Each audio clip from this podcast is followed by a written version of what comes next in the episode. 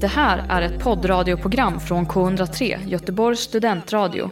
Du hittar oss på k103.se. Av upphovsrättsliga skäl är musiken förkortad.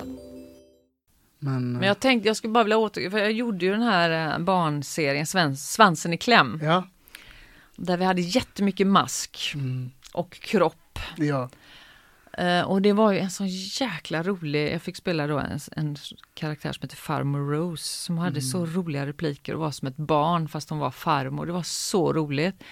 Och det som var spännande med det, det var att man var totalt befriad från sig själv. Jag var ju befriad från mitt eget ansikte. Jag var befriad från min egen kropp. Eftersom jag hade en fatsuit på mig så var det ju, även om man naturligtvis har, allting var ju inte uppstoppat, men det var ju ändå, mitt ansikte var ju inte, det var ingen som kunde se att det var jag. Nej, nej. Det var ju ganska skönt på något sätt, att jag behövde inte tänka på så här, åh, ser jag gammal ut nu, eller hur ser jag ut? Och, eh, och sådär, utan det var ju inget, det var ju som det var, hon var ju söt liksom. Hon hade ju sin näsa och sina morrhår. Och, Mm, Fast det var jobbigt för det var ju två timmar smink varje, det var ju... Ja, det var jobbiga sminktider. Jag heter Henrik Berggren. Jag heter Håkan Hellström. Hej, det här är Timo Räisänen. Det här är Björn. Och Daniel. Freis. Du lyssnar på, eh, K103. K103. Göteborgs studentradio. Välkomna till andra säsongen av Äkta känner äkta. En podd om teater och film. Jag heter Mark Standoft, jag är skådespelare och lärare. Under säsong två kommer ni tillsammans med mig få möjligheten att blicka in i olika kulturarbetares liv. Dagens gäst heter Lisbeth Johansson.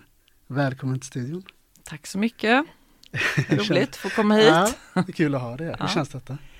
Det är kul. Mm. Mm. Är du nervöst? Nej, Nej. Jag var lite nervös innan du kom faktiskt. Jag vet var inte du? varför. Varför ja. då? Nej, men jag brukar vara så lite, alltså nervös på ett bra sätt när jag ska få mina gäster hit. För att man, man vet ju aldrig hur, hur de är när de kommer in hit, även fast jag känner dem eller Nej. träffat dem innan. Nej, Eller vad man, vart det här samtalet ska leda eller nej, det är sant. sådär. Så jag brukar vara lite gnutta nervös på ett bra sätt. Men det är ju bra. Ja, Man ska vara, du är ändå ansvarig. mm. ja men det är Mm. Precis, håller koll på så att allt spelas in ordentligt Mm. som, du, som jag sa innan liksom. Vad, vad har du gjort idag? Idag har jag städat Mm. och varit ute med min hund. Ja. Vad heter din hund? Den heter Signe. Signe. Mm. Mm. Jag tror att jag har träffat henne. Det är en cockerpu. Ja. En liten svart Mm. eh, sån här. Mm. Men jag tror jag träffat din hund eller? Kanske. Ja, jag tror jag har gjort det. Okej, men du har städat, du har varit ute och gått. Ut och gått. Och sen... eh, Jag lyssnar, inte idag kanske jag inte gjort. Jag lyssnar jättemycket på ljudböcker nu Mm. i de här coronatiderna. Mm. Jag tror jag har läst 43 böcker sen i mars. Eller lyssnat på dem. Mhm. Men läser du aldrig böcker? Inte nu, sen Nej. jag lyssnar. Det är underbart. kan man ha när man är ute och går, man kan ha det när man diskar, man kan ha det när man städar. Man kan, ja, Mm. det är fantastiskt. Mm. Vilken var den senaste ljudboken du lyssnade på? Eh, Den hette Bakvattnet. Det Bakvattnet. Maria Brogren. och sån här. Ja. Norrländsk historia. Mhm. Vad, vad var det för typ av bok? Ja, det är svårt att säga. Någon slags spänningsroman fast... Ja, kanske. Ja. Och den är bra än så länge? Jag har läst Ja. ut den. Jag har läst ut på en dag. Du har lyssnat ut den? Lyssnat ut den för sig. Jag säger läsa. Jaha, okej, men du, du, okej. Men hur lång tid, när man lyssnar nu då på en ljudbok, hur lång tid tar det innan man lyssnar klart på en då? Nej, det beror på om den är 700 sidor eller om den är 200 sidor. Mm, men går det snabbare än att läsa liksom? Det går snabbare att lyssna för du kan göra andra saker under tiden. Ja. Om jag ligger och läser en bok så kan jag bara göra det. Nu kan jag ju gå ut och gå eller ja. Mm. Så det är klart man får i sig mer. Mm. Ja, det är klart. Men eh, fjärde advent idag. Mm. Mm. Tycker du om julen? Jag tycker mer om den tiden som är innan jul faktiskt. Nu, ja, december tycker jag om. När man får hänga upp adventsstjärnor och sätta fram liksom amaryllisar och sånt där. Mm. Städa och julpynta helt enkelt. Ja, inte så mycket julpynt, men lite blommor och sånt har jag ju såklart. Lite. Ja. Inga tomtar, men eh, andra fina saker. Ja. Men du, okej, så du har inte så här firat varje advent som liksom, Nej, det har jag inte faktiskt. Nej. nej. Man kanske inte gör det, jag vet inte. Kanske mer, vad mer när man var liten? Ja, man firade jag tror det. Då advent. var det viktigt. Så. Ja. mm. Ja. Ja, ja, men eh, vi har ingen tid att förlora. Nej. Tio snabba. Ja, okej. Vet du vad det bästa av allt är nu? För jag anar att du har lyssnat på något avsnitt innan. Ja, Ja, vadå? jag har ändrat de här. Jaha, okej. Jag bryr mig inte, jag säger inget. Mm. Eh, så här. Men en del är densamma, men vi kör. K103. Fullständigt namn. Lisbeth Marianne Johansson. Ålder? Eh, 61. Jag var tvungen att tänka efter. Ja, det får man göra. I den här åldern så tänker man så här, herregud, är jag så gammal? Ja. Eh, känner du dig som 61 tycker du? Nej, Vad känner du dig som då? det är, man kan känna sig som fem år och man kan känna sig som hundra. Det är olika dagar, tycker jag. Olika Mm. situationer också. Nej, det är, en, det är en väldigt konstig siffra. När man börjar komma upp i 50-60 års ålder. Så det är väldigt konstigt faktiskt. Vad är det som är konstigt då? Därför att inuti är man ju liksom i stort sett samma person. Eller eh, man har alltid kontakt med liksom det där lilla barnet. Och det blir så konstigt men man är ju samtidigt en tant. Så det är ju det, är väldigt konstigt faktiskt. Ja. Men okej, då, då undrar jag, alltså skulle du säga, är du samma person som du var, men säg att lika gammal som mig då, 31? Som du är Nej, idag. jag är inte samma person men det finns ju alltid en kärna som är samma på något sätt. Mm. Den innersta kärnan på något sätt. Vad har förändrats? Livet. Li, livets påverkan. ja, men har det förändrats positivt eller negativt tycker du? Det är också dubbelt för att det finns ju mycket som är positivt när man blir äldre för att man blir säkrare på sig själv och man liksom man blir också mer luttrad och man har varit med om så jäkla mycket grejer. Men eh, å andra sidan är det också tråkigt för att eh, när man var yngre var man mer på på något sätt. Så här. Jag är ju aldrig på krogen till exempel. Eller sådär ute. Jag kanske går ut och äter någon gång med kompisar. Men det är, förr var man ju ute jämt. Man var ju aldrig hemma. Mm. Nu är jag jämt hemma om jag inte arbetar. Ja, jag förstår. Okej, bästa filmgenre? Ja men det måste väl vara dramakomedier tror jag. Och då brukar ju min följdfråga bli att säga en bra sådan då. Och nu är det ju väldigt mycket tv-serier så jag får ta en sån då. Mm. Och då tycker jag den här Kärlek och anarki som uh, var, den svenska serien tycker Mm. jag var lysande. Och sen även um, Call My Agent såklart, den franska serien som handlar om en skå- Har du sett den? Nej, Det måste du se! Men vart, Två- vart två- man den? På Netflix, Ja. eh, Call My Agent. Det är om en agentbyrå som har massa kända skådespelare. Så dyker upp massa kända skåd, riktiga kända Så skådespelare. spela sig själva då? spelar sig själva i någon mening och så är det, nej den är jätterolig. Den är väldigt lik på ett sätt den här Kärlek och anarki. Och sen igår såg jag en jättemysig som hette en norsk Coming Home for Christmas tror jag den hette på engelska. Är det den Felix Sandman är med i? Ja, den här svenska killen. Mm, Ja, den var artisten. jättemysig. Det är också en dramakomedi. Mm, men det, jag, jag tror att jag sett första säsongen på den. Ja. Det är väl andra säsongen som Mm. kom ut. Mm. Ja, ah, okej. Men, det gillar ja, jag. Jag tycker det är feel good. Nej, Det får inte vara för, det måste vara lite svärta i också. Och det är det ju i de här. Mm. Men ja, två av tre har jag sett i alla fall. Men, men inte den, eh, Call My Agent. Call My Agent. Nej, den ska du se. ja, den, den får jag ta och se då. Paradrätt. Paradrätt. Mm. vet inte, men jag älskar ju kräftor. Havskräftor tycker jag.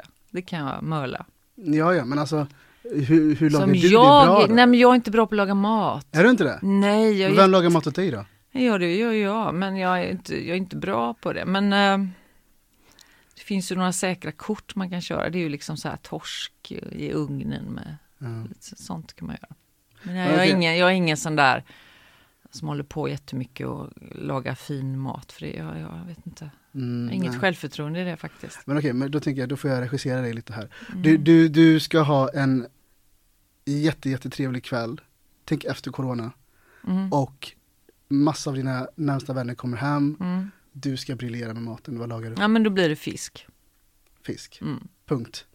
Fisk, eh, torsk blir det, fin torsk. Ja, men du får utveckla lite, vad, vad Ja, du det till kan där? vara med räkor och dill och lite så. Så kan det vara jättegoda amandinepotatisar. Vad är det för Ja, potatis? det är en då? speciell sorts potatis som är väldigt god. Ja. Ja, det vad, vad gör du med den då? koka den bara. Koka bara? Mm, Ja. Jättegoda måste du prova. Mm. Ja, Okej, ja, ja. Det kommer man långt på kan jag säga. Mm. Ja. Men jag gillar torsk, så det, ja, Mm, det, ja, men då får jag bjuda dig på det. det får du faktiskt göra, Mm. det tycker jag verkligen. Så får jag betygsätta den helt Mm. enkelt. det. Mm. det är viktigt med, den får inte vara för länge i ugnen. Man måste ha en, eh, temper, en, en mätare. Blir den torr annars? Ja, det måste vara exakt va. Jag tror det är. Och du får, inte- den får inte bli över om det är 70 grader eller något sånt där. Mm. För då blir den, den ska vara perfekt. Ja, men det låter ju som att du är ganska duktig på att laga mat. Nej men jag är noga då. Ja, Jag är från västkusten vet du. Vi är ju fisk och skaldjursmänniskor. ja, ja men det är sant. Det är sant. Okej. Hur skulle du beskriva din personlighet? Min personlighet, den som är Mm. Lisbeth, inte skådespelaren då, utan Nej. Ehm, Ja, jag är väl ganska...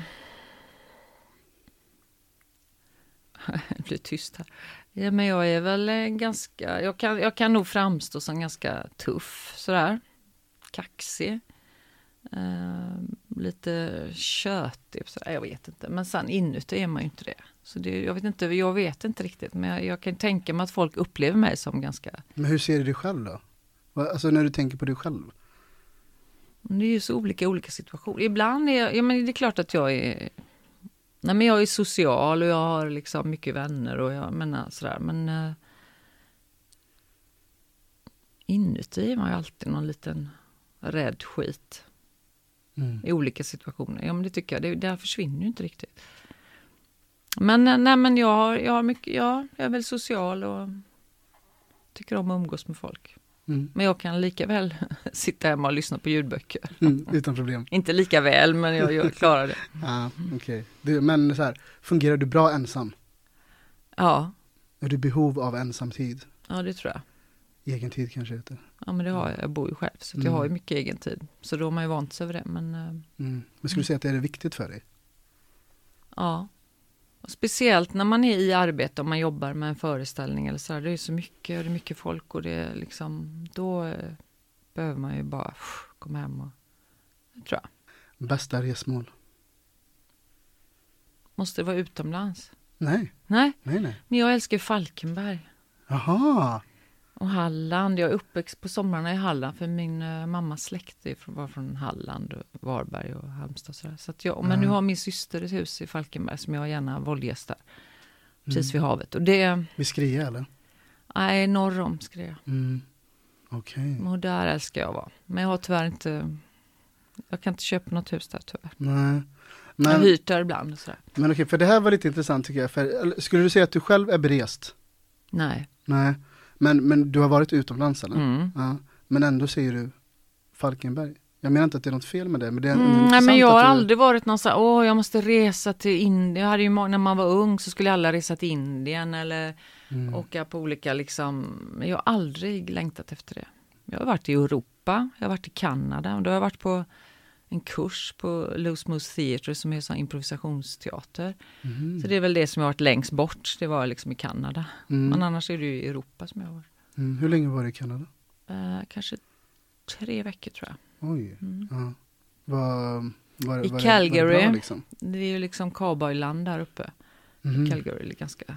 Där ligger um, Loose Moose Theatre som, ju- som uh, Keith Johnston jobbar där. Du vet vem det är? Mm, Som improvisationsmästare som har Nej. skrivit de här improböckerna och det. Han flyttade till Kanada för han träffade en kvinna där och, ehm, och så insåg han att de är inte intresserade av kultur eller teater så då hittade han på improvisationsteater kan man säga, impro. Och, gjorde, och då blev folk intresserade, för då var det ju tävlingar. Man kunde tävla i improvisations och så här, teknik. Och, ja. Mm. och det var här och nu på något annat. Så då blev det väldigt populärt. Så då åker, åker folk från hela världen till den eh, sommarkursen de har då. Eh, Behärskar du engelskan bra? Nej, Nej. det var jättesvårt att improvisera på engelska. Ja, Men man kan ju improvisera på låtsasspråk också, eller på svenska. Och. Mm. För när man ska improvisera på engelska måste man ju tänka efter, vad fan heter det ordet? Ja. Och då är det redan kört. ja. Ja men precis. Men då kunde man prata ett låtsasspråk. Eller? Men var det en fin upplevelse tycker du? Ja, ganska fin. Mm. Det var, det var roligt att vara där. Så. Jag delade, vi bodde i ett sånt här campus då, som de hyrde in oss i.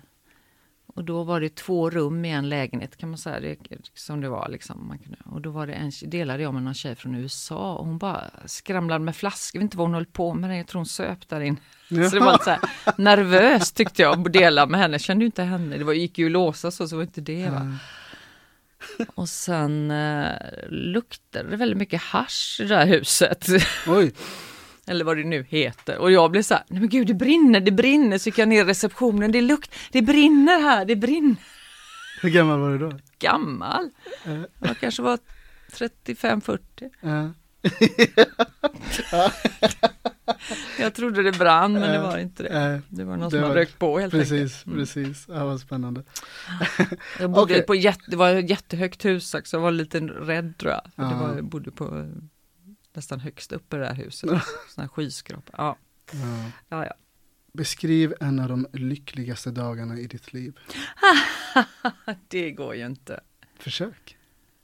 Åh, herregud, nej. Vilken är den första du kommer tänka på? Något måste ändå dykt upp när jag ställer den här frågan. Ja, men jag tycker det är jätte, för jag tycker lycka, jag tycker det är väldigt svårt att prata om lycka, för att lycka är så flyktigt. Lycka kan vara tre minuter när du sitter på, på din trapp i sommarstugan och dricker kaffe och solen kommer fram. Mm. Det kan vara lycka för mig.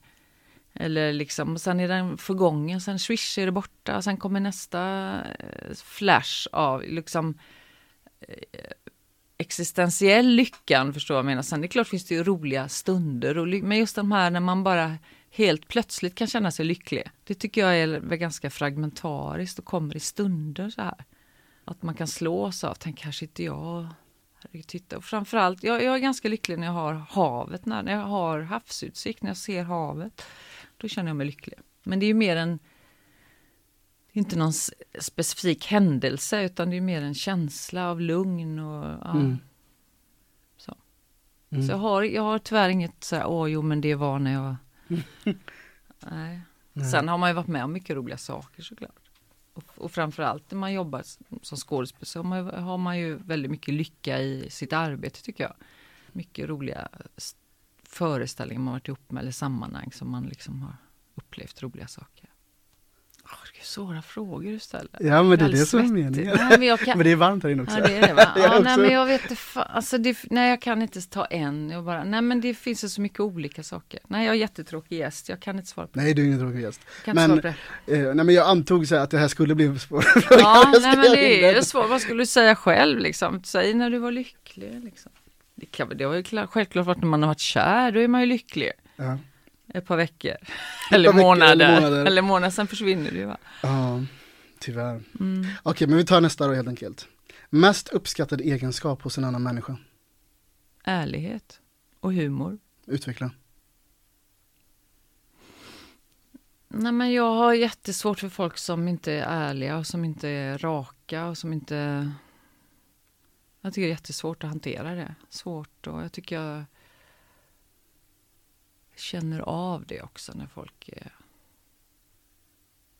Fast det gör det, det, är ju, det är ju lögn för det gör jag ju inte men... eh, För jag har ju blivit lurad några gånger i mitt liv men eh, så kanske därför jag säger ärlighet. Mm. Tycker du att det är svårt att hitta ärliga människor? Nej, jag försöker omge mig med de människorna som är goda för mig. Så, så att, eh, jag umgås inte med människor som, som jag uppfattar som oärliga eller otillgängliga på något sätt. Ehm, men vad vet jag, det kanske kryllar av dem, jag har ingen aning. Nej, men jag tycker inte det är så svårt att hitta ärliga människor. Humor Men det, är- humor är ju viktigt, Mm. Men humor är ju också subjektivt. absolut. Så vad är humor för dig då? ja, ja, vad är det? Du kommer inte undan här nu. Nej, jag kommer inte Nej. undan. Jag tycker jag är jättedålig på att svara på den här frågan. Nej, men det är väl... ehm, Ja, men det, finns det något roligare när man är med någon människa, när man bara typ kan titta på varandra om man har sett och så börjar man flabba för att man har sett samma sak. Sånt tycker jag är roligt. Man ser någonting på stan och så tittar man på den människan man är ihop med eller tillsa- går tillsammans med och så bara fattar man direkt den roliga situationen. Det, sånt tycker jag är roligt. Ja, sånt där är fantastiskt. Ja, visst är det fantastiskt. Och det är, det är kommunikation när man bara, om man har, sen finns det ju, har ju vissa kompisar som jag älskar att vara med som bara, som man skrattar jättemycket med. Mm. Som har väl, och då är ja, det är olika, olika människor helt enkelt. Men humor, ja vad är humor? Ja men det är väl igenkänningshumor framför allt. Tycker jag är roligt. Tillkortakommanden eller liksom misslyckanden på något sätt som man försöker hantera eller ja. Det är roligt. Ja, ja, Efteråt i alla fall. ja, precis. Okej, nästa. Stjärntecken. Jag är kräfta. Världens tråkigaste stjärntecken. Vad Ja men en den går ju baklänges kräftan och är liksom, och varje, varje sånt där man läser så är det ja, hemkär, och det är jag i och för sig, hemkär och ja, men ja, nej, jag tycker det är ett tråkigt tecken. Väldigt känslig människa och det är jag ju. Men så ascendenten i lejonet, den är totala motsatsen. Är det lejonet är riv så att säga? Ja, Mm. och kräftan är den som backar liksom. Men tror du på stjärn, alltså? Nej, jag tror inte att jag, jag tycker det är kul. Och, Det låter ändå som att du har ganska bra koll. Ja, lite koll har man men inte, jag tror, jag inte, åh jag måste titta i stjärnorna, vad som ska hända, nej. Nej. Innan du lämnar dörren. Ja. Kollar du på timmen. Nej, men det är klart att det är kul, det finns, jag menar, var kommer det ifrån, vem är det som har, ja, jag vet inte. Det är inte så att jag, åh jag måste läsa veckor, så är det inte. Men det kanske är så att vi blir påverkade av planeter och månar och solar och vatten. Jag menar, hela havet blir påverkade av månen, så det är klart att vi Mm. kan bli påverkade av planeterna, det tror jag nog. Men just att... Fast ibland tycker jag också att det stämmer om någon säger ja, jag är det och det. Ja, okej. Och sen är det väldigt många, jag har väldigt många kompisar som, har sam, som är födda i samma tecken. Mm. Och därför de har Aha. vissa egenskaper. Ja. Jag har en kompis som är född i samma tecken som jag. Ja, men jag menar inte samma tecken som mig, utan jag har ett gäng som är till, födda i vågens Jaha, tecken. okej nu fattar jag. Som jag kompar bra med. Jaha, Det är lite märkligt. jag. Mm. Men hur är vågen då? Ja, Eller tog du bara vågen som ett uh, Nej men de är ju väldigt eh, behagliga tror jag. Ja. Jag är mycket brötigare på något sätt. Jag är inte, där är jag ju inte kräfta då. Ah, nej, vi, vi fördjupar oss inte det här. Herregud, vad barnsligt. Det är lite barnsligt. Det är lite kul också tycker jag. Ja. Eh, sista nu då. Vad hade du velat säga till ditt tioåriga jag?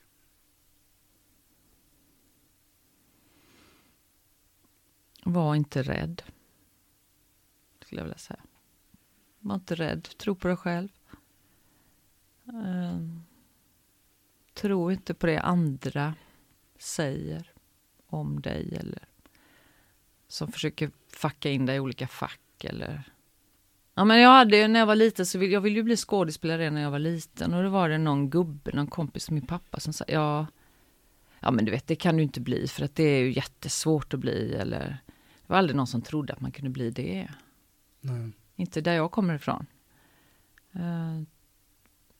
Så det tycker jag, ja, nej, men, och tro, tro på dig själv och låta inte den där vanliga... Det där, man skulle vilja ta det där barnet, den femåringen helst, i handen och bara säga kom igen nu, nu drar vi. Mm. Mm. Ja, nej, men jag fattar. Eh, nu kommer min sammanfattning här. Hur, hur kändes det att göra de här tio? Jättesvårt. Ja. Flum, att jag känner att jag inte har gett dig ett enda riktigt svar. Fast, det, fast det har du faktiskt. det har du faktiskt gjort. Men, men, men du är lite så här försökskanin här nu. För att Jaha. jag spelade in tio avsnitt, eh, hade en viss typ av tio snabba. Ja, Nu skrev jag om dem ja. till nästa tio som kommer här nu då. Vad, vad, hur blev det då?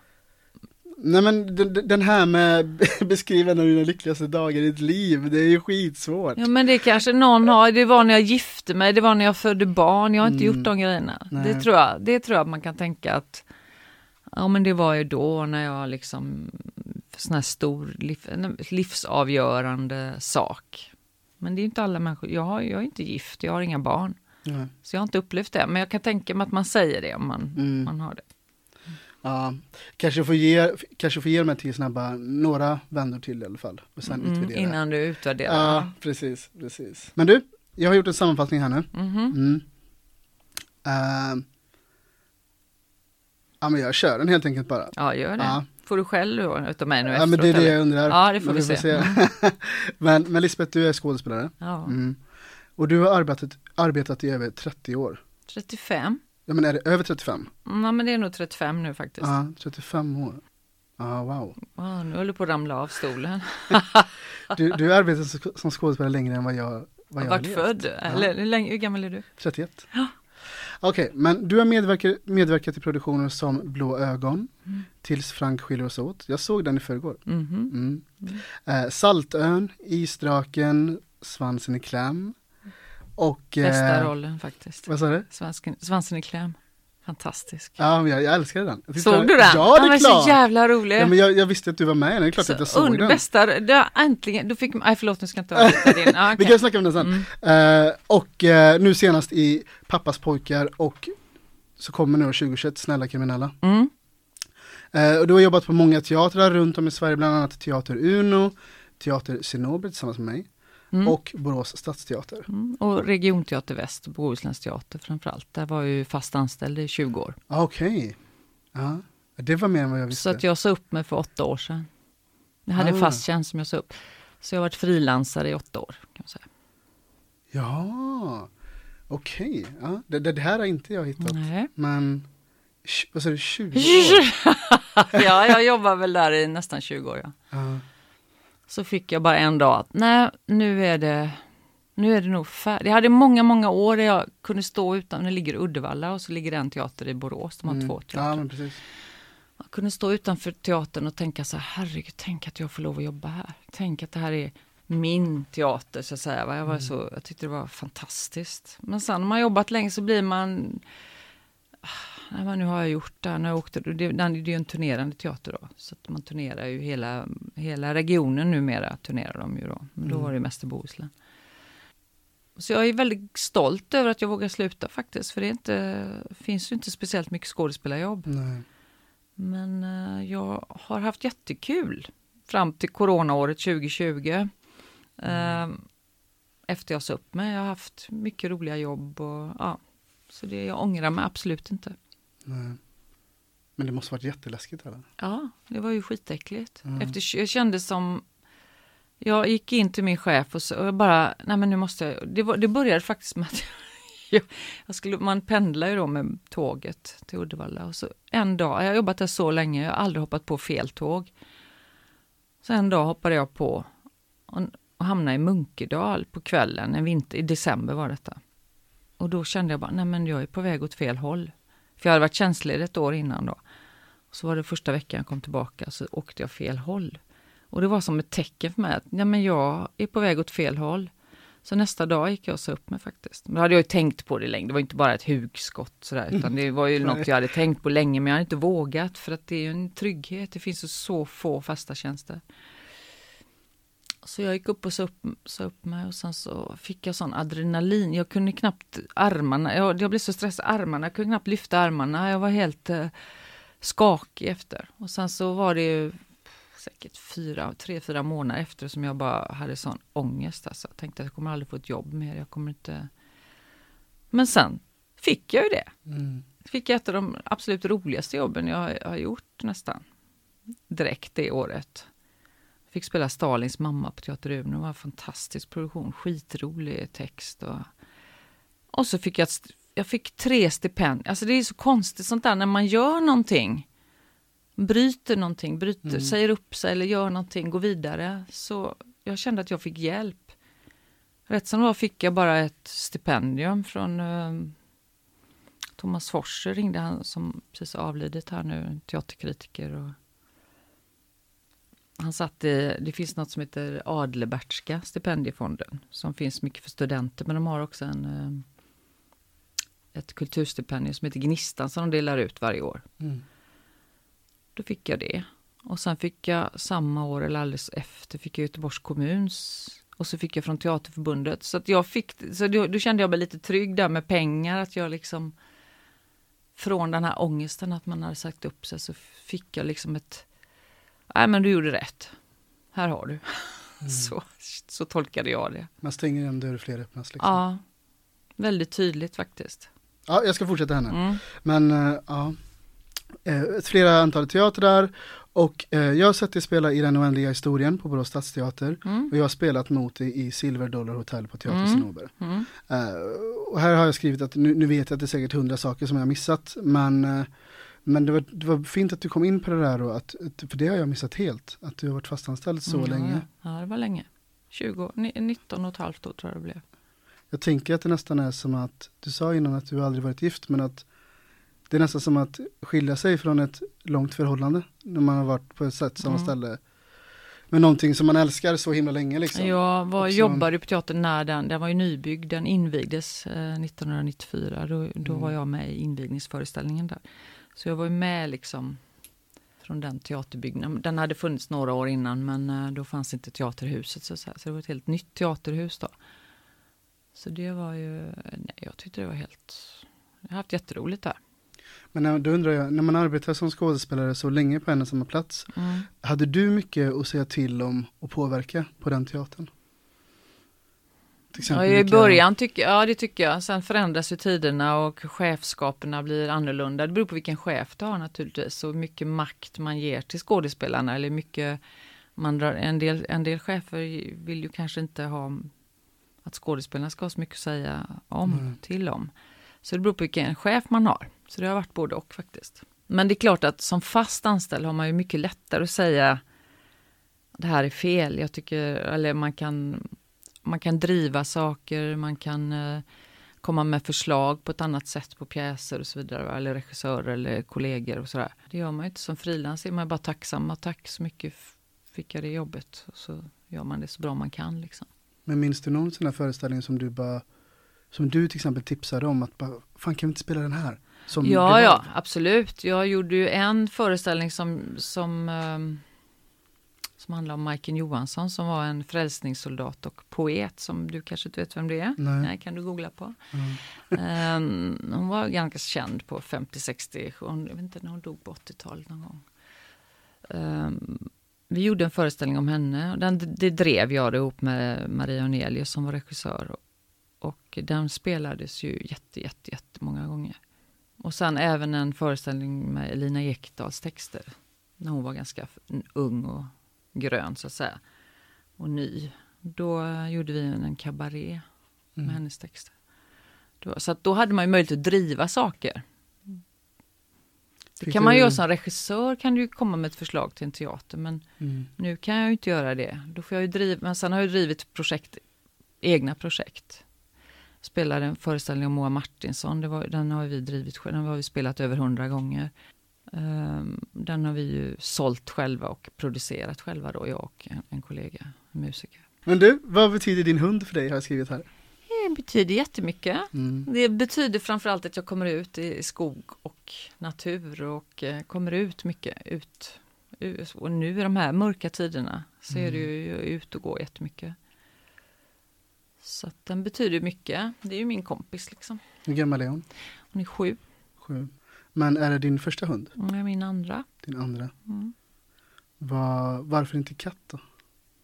Jag har haft katt när jag var yngre. Ja. Mm, nej, jag vet inte. Jag tycker hundar är roligare. Katter är ju söta också, men eh, de är ju inte så lik... Nej, men det var faktiskt roligare att ha hund, måste jag säga. Just att man kan gå ut med dem i skogen. Och det- man tar inte ut katten i koppel liksom. Ja, det finns ju folk som gör det också. Nej, men det tycker jag. Och sen när man kommer ut i naturen och så har man alltid någon som behöver den. Det är ju det med hund. Ja. Alltid någon som blir glad när man kommer hem. ja, det är klart. Mm. Det spelar ingen roll om du är gift, det är inte säkert den är glad för att du kommer Nej. hem. Det kan ju vara jävligt sur för att du kommer hem också. Mm. Men hundar är alltid glada. Hundar är alltid glada och Mm. tacksamma och viftar När man på kommer hem, när man ja. kommer. Liksom. Ja. Det är klart, Lojala. lojala. Mm. Men var det, hade du en samma eh, Ras, ja. ras in, Mm. innan? En annan färg bara. Jag, ty- ja, det, det är blandning mellan pudel och cocker Vilken färg var det innan då? Den var champagnefärgad. Jaha. Mycket beige kan Ja, man säga. precis. Så Som, den här är svart. Ja. Ja, just det. Ja. För jag vill inte ha exakt samma för då hade alla trott att det var samma hund. ja, det är klart. Ja. Men det är en rolig ras. Men är de, är de väldigt så här eh, familjevänliga liksom de hundarna? Jag säger att hon är en människohund på något sätt. Hon gillar människor mer än hundar. Ja, det är så? Ja, Ja. hon gör det i alla fall. Men... Nej, men jag tycker, eh, jag tycker alla människor skulle ha husdjur. Eller jag förstår inte människor som inte tycker, säger så här, usch, jag gillar inte hundar eller katter eller så här, usch.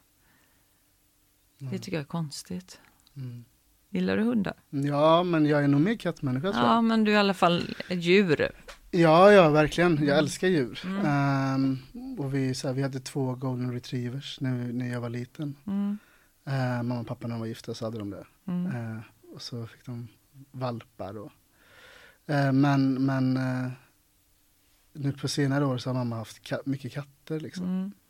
Mm. Och så, det, men ja, nej, men jag, jag gillar båda två men jag tror att jag är mer en kattmänniska liksom, Mm. Mm. faktiskt. Men du, vad, jag är lite nyfiken på din uppväxt. Mhm. Mm.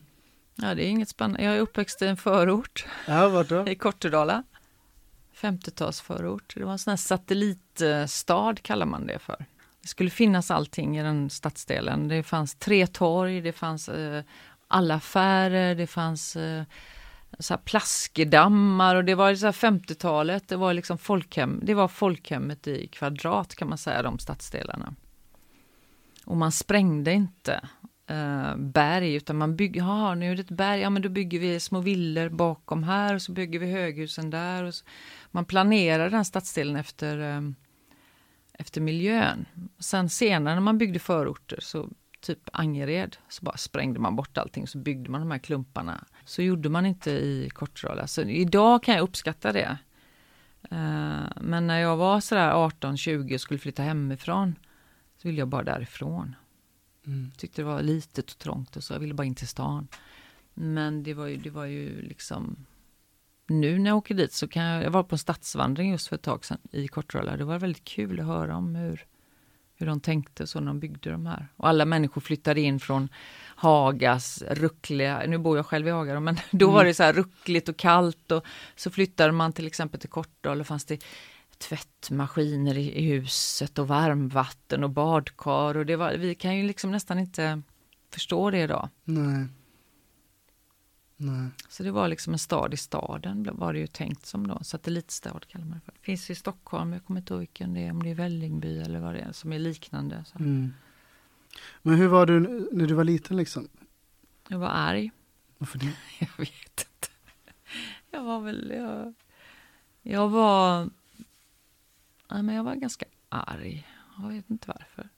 Sen- Arg på, på vem? Eller på vad? Det måste väl vara på föräldrarna då. Det finns väl ingen annan man kan vara arg på. Det måste väl vara på liksom någonting i, i det såklart man blir arg på. Men eh, sen blev jag ju snällare. När jag blev äldre. Så lite frustration. När man liksom, jag hade också en längtan till någonting annat. Jag längtade ju till någonting annat liksom. Skapande så här. Det var Hur- inte jättevanligt att folk hade det som jobb där ute i förorten.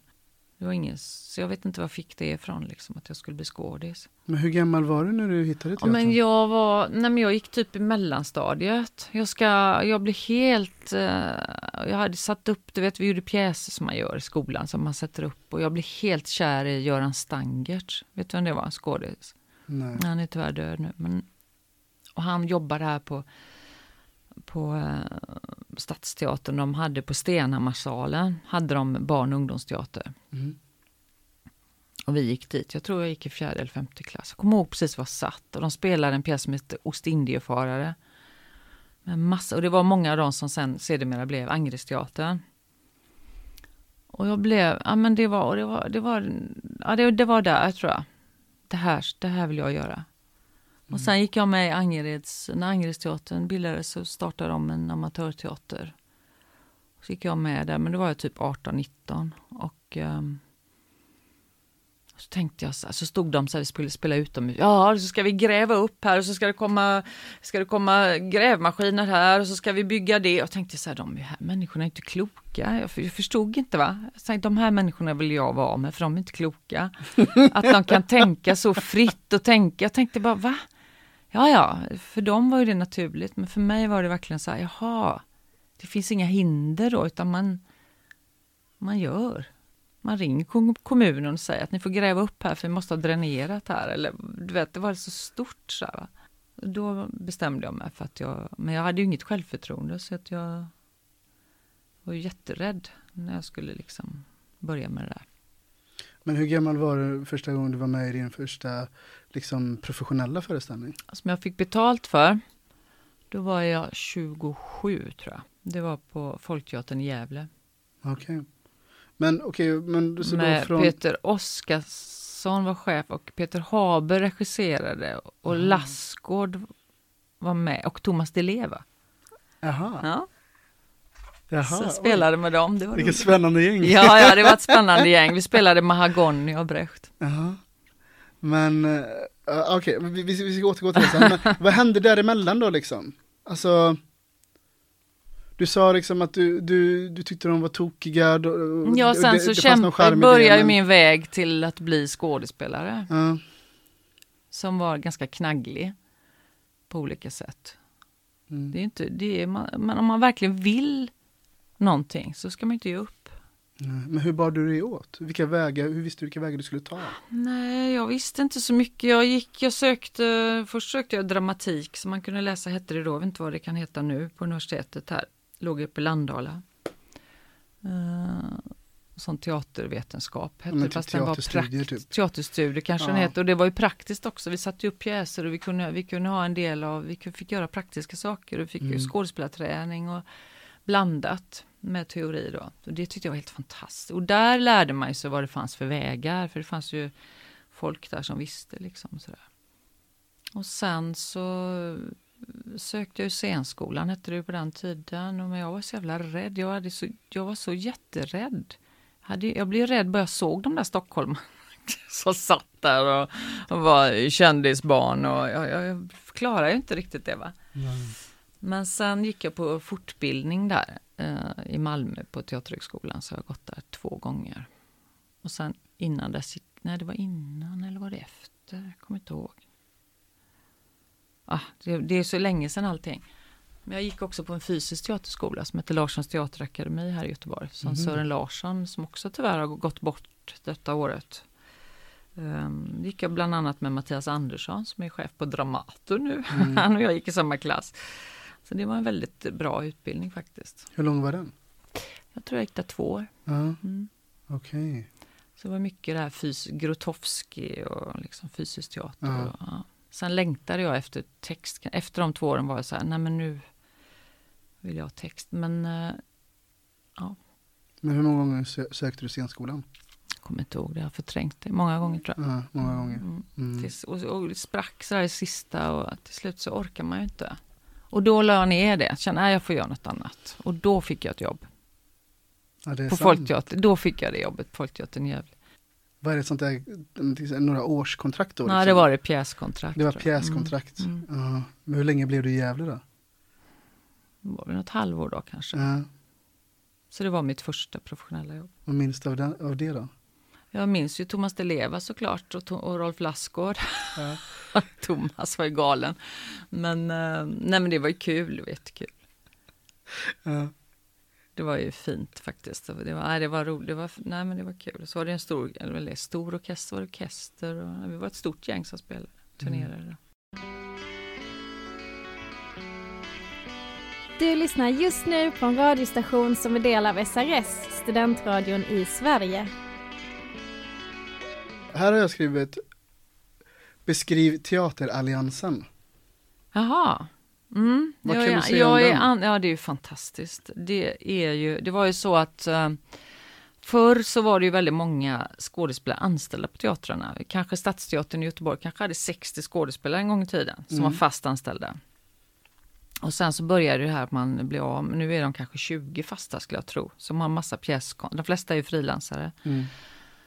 Och då gjordes det en överenskommelse att för branschen behöver ju skådespelare. Om alla bara blir av med sina jobb så kommer inte skådespelarna orka vara kvar i branschen. Så då gjordes det en eh, konstruktion för 20 år, det är 21 år sedan nu. Där man då skulle, hittade på något som heter Teateralliansen. Där skådespelarna blir anställda. Och när de är arbetslösa så, eh, alltså när jag, jag är anställd då. Men när jag inte har jobb, eller när jag har jobb så tar jag tjänstledigt ifrån Teateralliansen. Och när jag inte har jobb då behöver jag inte gå på någon a-kassa utan då får jag en, en lön där och man kan gå på utbildning och Jaha. seminarier och kurser och vi har liksom, eh, det är ju, vi är 176 skådespelare anställda. Lika många som, ungefär lika många som de fast anställda tjänsterna i hela Sverige. Men de flesta är ju helt utan det. Så att, det, att komma med där i kräver ju att du har jobbat ganska mycket. Mm. Och eh, frilansat de senaste tre åren, eh, ett visst antal, må- jag kommer inte ihåg, men eh, månader som du ska. Och sen får du en anställning och sen ska du uppfylla vissa krav då under tre år. Att du måste jobba sig så många, jag tror det är 12 månader. Och då får du tre år till. Men om du inte lyckas med det, nu är det ju corona, nästa gång kanske jag åker ut, jag har ingen aning. Men då har jag ändå haft mina år där i så fall. Men, men okej, men, men de hjälper inte till liksom att till exempel hitta jobb eller? Nej, det gör de inte. Nej. Det är ingen, men det är en arbetsplats. Jag menar, vi har ju semester och jag har liksom. Mm. Men de har ju, vi har ju workshops, vi har seminarier, vi bjuder in eller de bjuder in och vi kan ju föreslå om man vill ha in, bjuda in regissörer eller ja, kastar eller det är ju det är, fant, det är fantastiskt. Det är Mm. ju liksom, och det är bara skådespelare som är anställda förutom kontoret. Så det är ju det är ett drömställe faktiskt måste jag säga. Och jag önskar att alla skådespelare fick det. Om man inte har fast jobb så är det ju... Det har ju ökat. Det var kanske, jag vet inte hur många var från början, 50 kanske och nu är det 176 eller något sånt. Hade de väl tänkt att öka ännu mer men nu vet man ju inte med corona för det var Nej, ju, klart. har ju varit tufft här nu. Det var ju också att vi blev varslade också här i höstas. Alla blev arbetslösa, alla gick in på Allians. För det bygger ju på att alla är eh, det bygger ju på att man ska vara tjänstledig så mycket som möjligt. Om alla då blev av med sina jobb så gick ju deras pengar tog ju slut. Och så Mm. när vi, vi, blev, vi fick pengar från staten. Ja, det är ett fantastiskt, eh, jag är jätte, jätteglad och privilegierad måste jag säga. Som får ha den anställningen. Det är ju en Mm. jättetrygghet. Men hur länge har du varit med i den? Mm, över tre, tre, det är inne på min andra period då. Okej. Tre. Ja. Så här, om, om du inte hade blivit skådespelare, Mm. vad tror du att du hade jobbat med då? Jag skulle vilja jobba antingen som trädgårdsmästare eller som inredare tror jag. Ja. Är du duktig på att inreda? Ja, det skulle jag säga. Ja. Jag är också utbildad dekoratör. Jag var dekoratör innan jag var skådis. Jaha. Så jag har lite det i mig, även om det var att man, men eh, ja. ja men jag skulle nog säga att jag, är, jag får hjälpa många kompisar. Är det så? Mm. Och du tycker även att det är roligt? Jag liksom, tycker det är jättekul för det är kreativt och det är roligt och det är, Ja. ehm, ja. Det tycker jag är kul. Hur, hur ofta tackar du nej till roller? Och varför Nej, men- skulle du tacka nej i så fall? Nej men det är väl inte ofta nu när man frilansar som man tackar nej till. Nej. Nej. Ja, alltså jag, jag tackar ju nej till reklam har jag ju alltid gjort. Jag har gjort några reklamgrejer men det var typ jättelänge sedan. Men eh, det tycker jag inte är kul. Eh, och det är jättesvårt. För att jag vet, eh, de ringde en gång från uh, ICA-reklamen. Jag var uppe och provfilmade och då var lönen var enorm. Då hade de tänkt att byta ut Stig, det gjorde de ju sen, till en kvinna.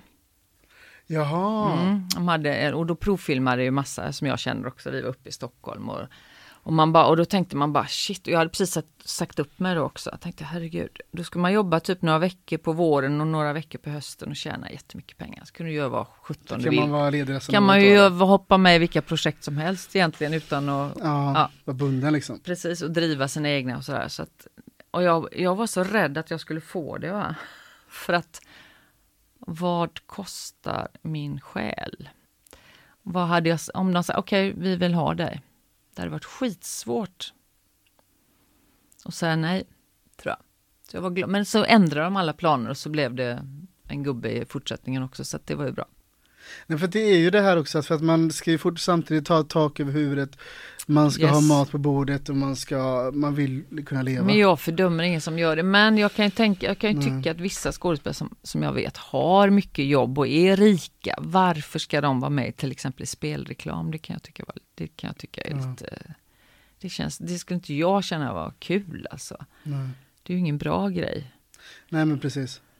Det- Om man inte behöver. Sen okej om du måste försörja dina barn. Så ja, då får man ju ta dem. Ja, men så tänker jag ju också. Jag får ju göra grejer ibland som jag känner så här, "Usch, det här borde jag säga nej till. Det kanske är en dag bara i någon film och det är tre repliker och man känner att ah, inte jag bättre än så. men jag har inte råd att, jag har inte Nej. råd att säga nej, helt enkelt. Nej. Så att då tänker jag, ah, men det är väl bra att vara med. Så kanske man ja, får vara med med den regissören någon annan gång. De har ändå träffats och så. Va? Så det är en kontaktyta. Men det är klart att ibland kan man ju tänka så att borde kanske inte. Eh, om jag säger så här, Silver Dollar Hotel och Den oändliga historien. Mm. Vad tänker du på när jag nämner dessa två föreställningar? Totala motsatser. Mm. Ekonomiskt framförallt. Ja, Den ena är på en stadsteater den andra är en fri, fritt projekt, inte ens en fri grupp. nej. som har jättelite pengar.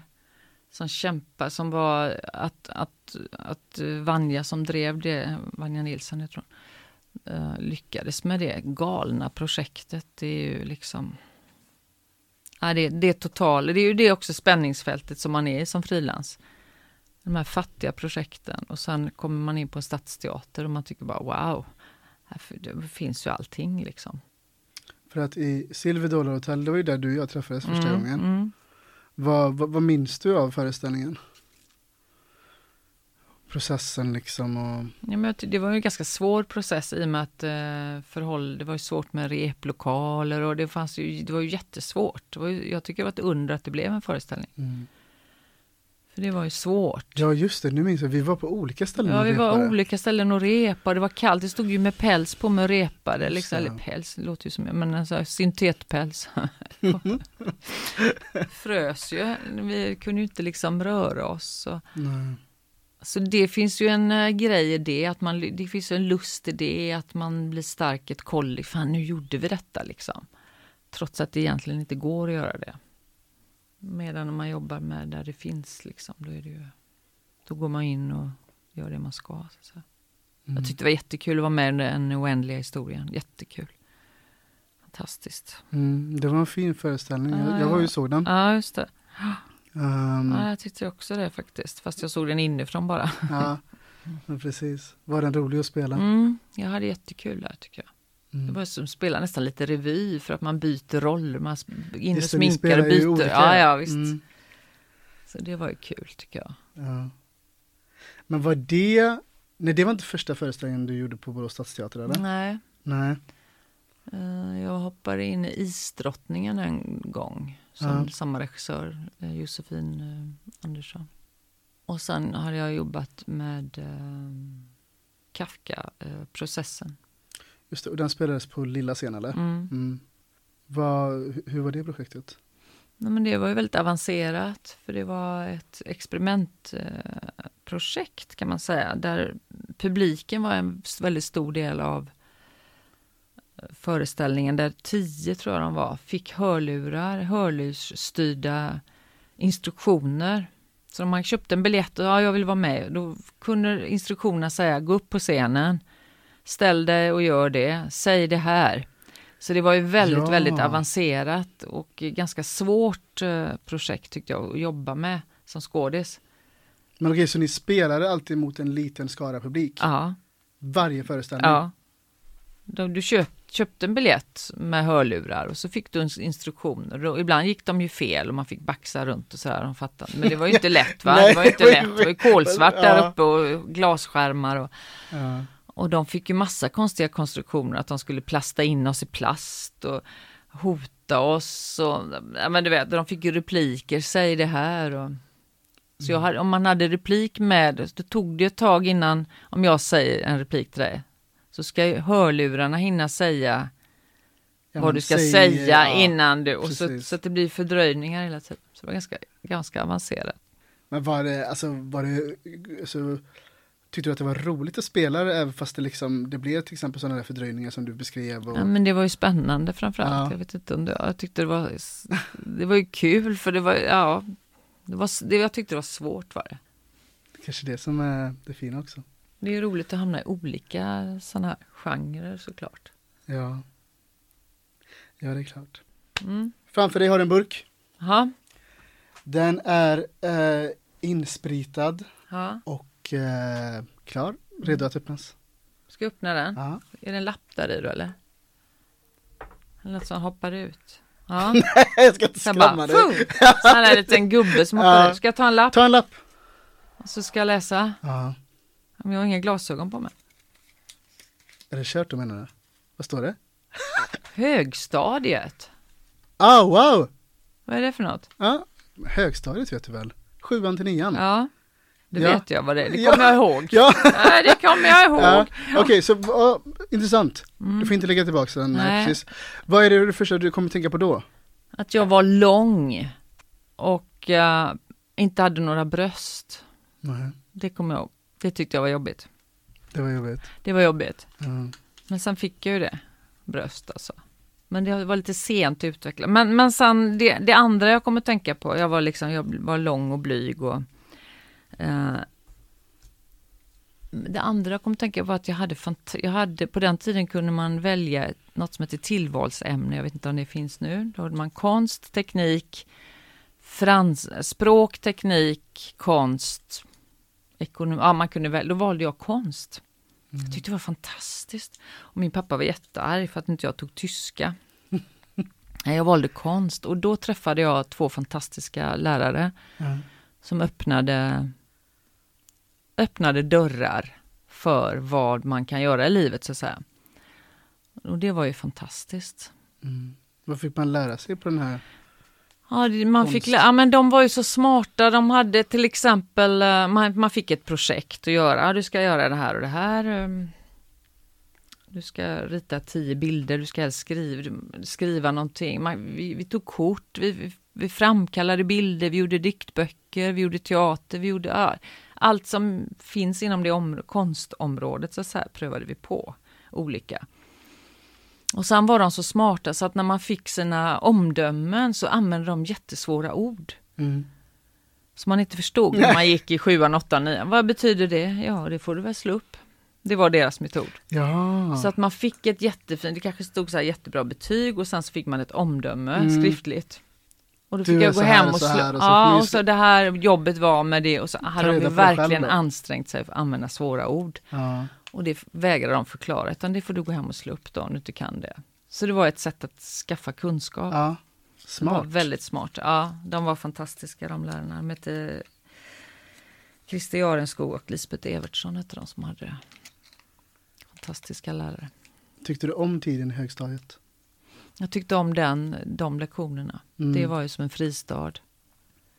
Eh, nej, men det, det tror jag räddade mig. Att eh, de, det var ju då människor från olika klasser som gick just i den, den konstellationen. Och vi var inte många, vi kanske var tio. Det var ingen som valde det.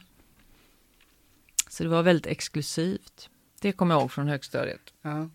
Och att jag inte hade några bröst, det var väldigt, eh, det var väldigt jobbigt. Att vara plattbröstad. jag fattar inte. Men det var väl det när man skulle bli tjej liksom. Och, och sen hade, jo men det var också att min bästa kompis, hon såg ut som Marilyn Monroe.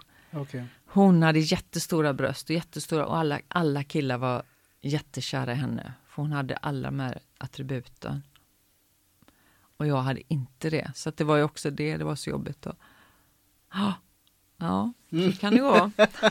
Ja, lyssnarna ser inte men du ler när du pratar om den. ja, det är lite roligt. Det är väl lite roligt, det är väl lite gulligt någonstans. Ja. Fast då var det inte det. Då, Nej, det det- på, då är det ju det liksom vidrigt. smärtsamt vidrigt. Ja. När man känner sig bara ful och ja, det gör väl många, det gör väl många. Men högstadiet är ingen lätt grej, det tror jag inte för någon. Mm. Tror du det? Hade du bra högstadiet? Jag hade ganska kul på högstadiet men ehm, Alltså kul med vänner och sånt där Mm. typ. Eh, vi gjorde väldigt mycket saker, eh, roliga saker liksom Mm. så här. Men det var ingen, eh, det var nog ingen lätt match i själva skolan liksom. Nej. Det var det inte. Men jag minns den ändå som rolig. Mm. Mycket roligare än gymnasiet. Mm. Faktiskt. Jag har ställt massa, vi börjar snart bli klara här nu. Mm. Vi börjar snart bli klara. Mm. Vanligtvis så brukar det nu komma en fråga från en tidigare gäst, till dig. Mm. Men förra gästen ställde två frågor. Mhm. Så håll i dig. Okej. Vad är du och vad är du inte villig att offra för en lyckad karriär som skådis? Ja, gud vad spännande. Och den andra.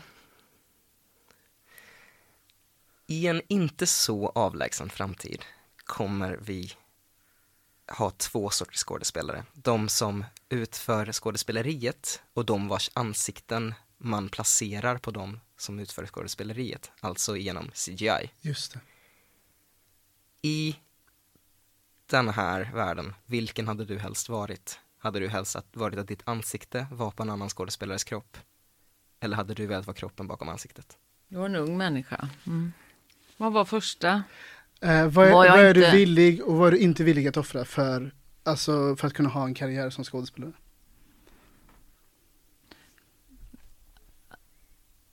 Ja, men det är väl det att eh, jag är inte villig att offra min eh, medmänsklighet. Nej, Eller min, eh, att vara en human människa nej. är jag inte villig att offra.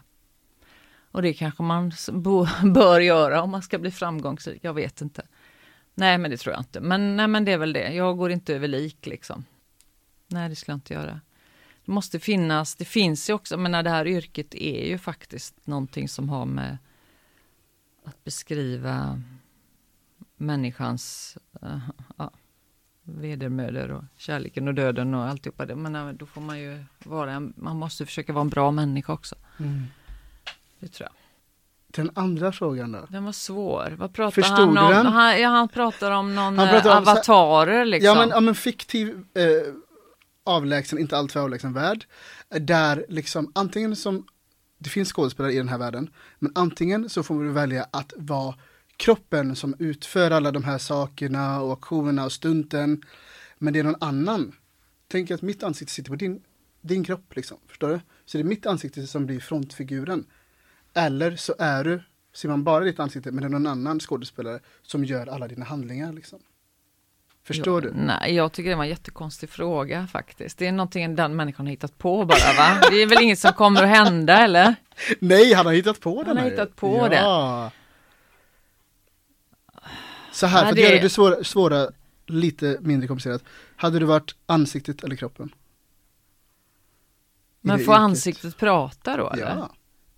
Får ansiktet vara tankarna? Eller vem är tankarna? Kroppen tänker jag. Ja, då får det vara kro- då får jag bli kroppen då. Mm. Om det är den som är hjärnan så att Mm. säga. Mm. Ja, då får jag välja kroppen och, och hjärnan. Känner du igen rösten? Men jag hade nog inte varit skådespelare då kan jag säga. Nej. Nej, jag känner inte igen rösten. Vem är det? Du har jobbat med honom. Vem var det då? David Lindström. Ni jobbar ihop i Jaha, processen. i process var det då. ja, ja.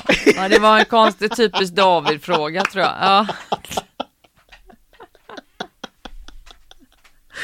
Det här är en ung människa sa du innan. Ja, det förstod jag ju. Ja. Så här, fantasin, eller det kanske blir så, vem vet? Jag tänker, det finns ju mycket dat- skådespelare som jobbar med dataanimering, att du, rör, Mm. du gör rör, men typ som, vad hette Sagan om ringen där, Mm. var ju, och det gör de säkert nu också med massa filmer, men det var ju den första som Gollum till exempel, som Precis. gjordes av en skådespelare, sen så Ja. blir den, så att jag menar det finns ju, fort, finns ju skådespelare som jobbar med sånt, Ja. som bara är kroppen, ja, men precis. kanske någon annan i rösten. Mm. Och så det, blir man ritad. Mm. Men jag tror, ja men jag tror precis att det var lite det han var inne på liksom. Mm. Men, Men jag tänkte, jag skulle bara vilja återgå, för jag gjorde ju den här eh, barnserien Svens, Svansen i kläm. ja. Där vi hade jättemycket mask Mm. och kropp. Ja. Eh, och det var ju en sån jäkla rolig, jag fick spela då en, en karaktär som heter Farmor Rose som hade så roliga repliker och var som ett barn fast hon var farmor. Det var så roligt. Och det som var spännande med det, det var att man var totalt befriad från sig själv. Jag var ju befriad från mitt eget ansikte. Jag var befriad från min egen kropp. Eftersom jag hade en fatsuit på mig så var det ju, även om man naturligtvis har, allting var ju inte uppstoppat, men det var ju ändå, mitt ansikte var ju inte, det var ingen som kunde se att det var jag. Nej, nej. Det var ju ganska skönt på något sätt, att jag behövde inte tänka på så här, åh, är så här gammal ut nu, eller hur ser jag ut? Och, aha, och sådär, utan det var ju inget, det var ju som det var, hon var ju söt liksom. Hon hade ju sin näsa och sina morrhår och Mm. Fast det var jobbigt för det var ju två timmars smink varje, det var ju Ja, det var jobbiga sminktider. Svans i kläm nu då för de som inte sett den. Det handlar ju då om en, om en eh, kängurufamilj Mm. som eh, nyinflyttade i en eh, stad eller? Mm. Stockholm var det väl kanske? Mm. Eller någon Mm. stad. Ja, flyttade, inte, flyttade till Sverige i alla fall. Ja, och det hände både det ena och det andra Mm. med den här Och så var det. Fredrik Hallgren som spelar min son då. Ja, just det. Just det, just det. Ja, jag tyckte den var Men vad bra, var det var väldigt roliga, det var en rolig karaktär. Sen just, nej, men det är just den där befrielsen av att inte behöva tänka på hur den hade ju ett uttryck, sen fick man ju, med ögonen kunde man alltid, röst och ögon är ju liksom, Men så två timmar i smink satt ni alltså? mm. Allihop eller bara, eller? nej alla som ja, hade de här maskerna, mm. de var ju tvungna att göra en ny mask varje dag. Ja, det var så. Mm. Eller de göt den och sen fick man klistra på och sen så ska det ju liksom jämnas ut. Ja, det var För, och det, spelades den in i Stockholm eller? mm. Ja. Mitt i sommaren, det var jättevarmt. Oj, oj, just det, ja, det är nu Ja, vad spelas sommar ja. Vi satt med fläktar så här och sen så kanske man har på en filminspelning har man kanske, ja men nu har du, eh, nu har du inget här på två timmar. Då kan man ju gå iväg och läsa eller göra Ja, någonting ja, ja. eller ta en prov. Men vi var ju tvungna att sitta med mask, kläderna kunde man ju ta av sig men masken fick man ju, gick ju bara inte. Så jag bara försökte domna bort så här och sitta med en fläkt liksom. Och vi kunde ju inte äta heller, vi fick ju dricka. Så. Mm. Hade du gjort om det om det blev en till säsong? Ja det hade jag. Men ehm, tufft var det ju. Ja. Du hade gjort om det fast under vilka premisser? Då hade jag ju vetat mer. När de frågar mig, är du, är du beredd på det här med mask? Ja, ja, ja. Ja. Jag hade bara inte insett vidden av det. Nej. Nej. Eh, Det var tufft faktiskt. Men nu, nu hade de gjort den, det var ju snack om att de skulle eventuellt gjort en fortsättning, men det blev inte så. Nej, okej. Och då, nej men det hade jag gjort. Ja, För jag tyckte den blev bra. ja. Har du tänkt på en fråga? Ja, Mm. det finns Låt inga sådana nu då. roliga frågor. Nej, det, ja, det men får vara hade... vad som helst. Aha.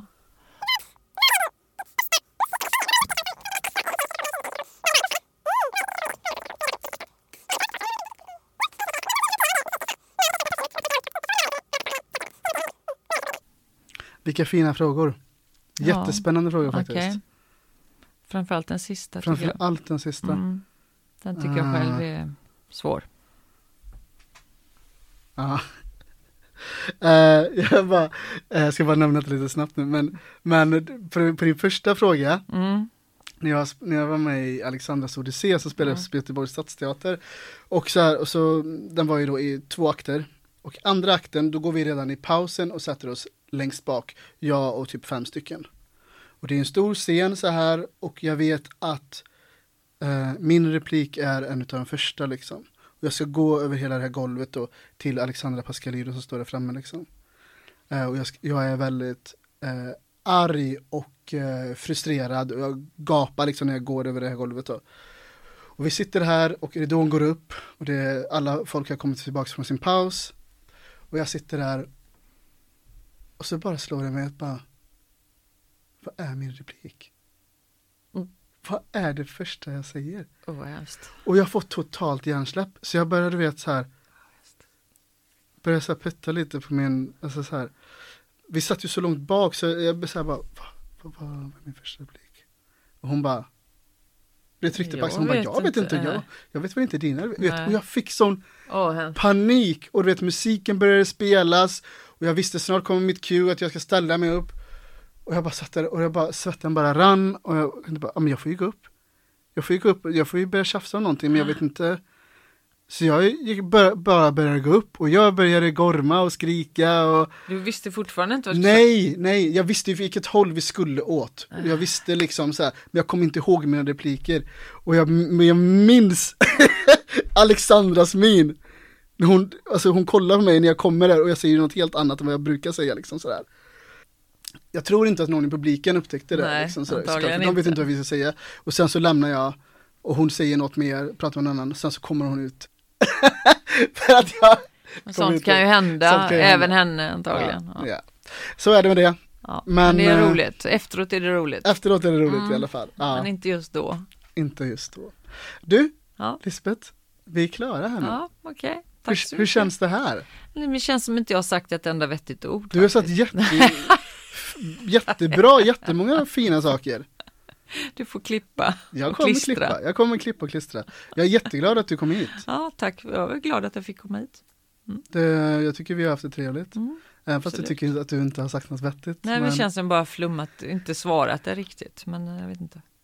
Jag tror att du kommer tycka det. Det finns inga, det finns ju inte rätt och fel i livet, eller hur? det. Livet är inte Det är svart så och vitt. jäkla flummigt allting. Mm. Och orättvist är det också. Ja, det är det också. Ja. Men det får det- man ta. Men så är det. Mm. Det finns ingen rättvisa, varken i konsten eller livet. Nej, Nej. nej. Sant. Mm. Men då säger vi att du har lyssnat på ett avsnitt av Äkta känner äkta med mig, Mark Standoft och Lisbeth Johansson, ja, tack för din tid Lisbeth. tack. Och tack för att du spenderar fjärde advent med mig här en söndagkväll. Ja, och du har inget, du har inga tända ljus, ingenting. Nej, jag vet! En ljusstake visst, men jag har inte tänt den. men eh, jag är jätteglad i alla fall att du, Ja, Det kom var hit. kul. Jag jag har haft det trevligt. Ja, det är jag med. Och det är det som är det viktiga. Ja. Eh, vi hörs när vi hörs helt enkelt och vi hörs nästa gång och ha det så fint och var rädda om er. Ta hand om er, hej då! Hej då! Det är flummigt. Det blev väl jättebra? Nej, jag har ingen aning, Marcus. Du har svamlat i en och en halv timme Ja, det är bra. Du har hört en poddradioversion av ett program från K103. Alla våra program hittar du på k103.se. Följ oss gärna på Facebook eller på Instagram. Vi hörs!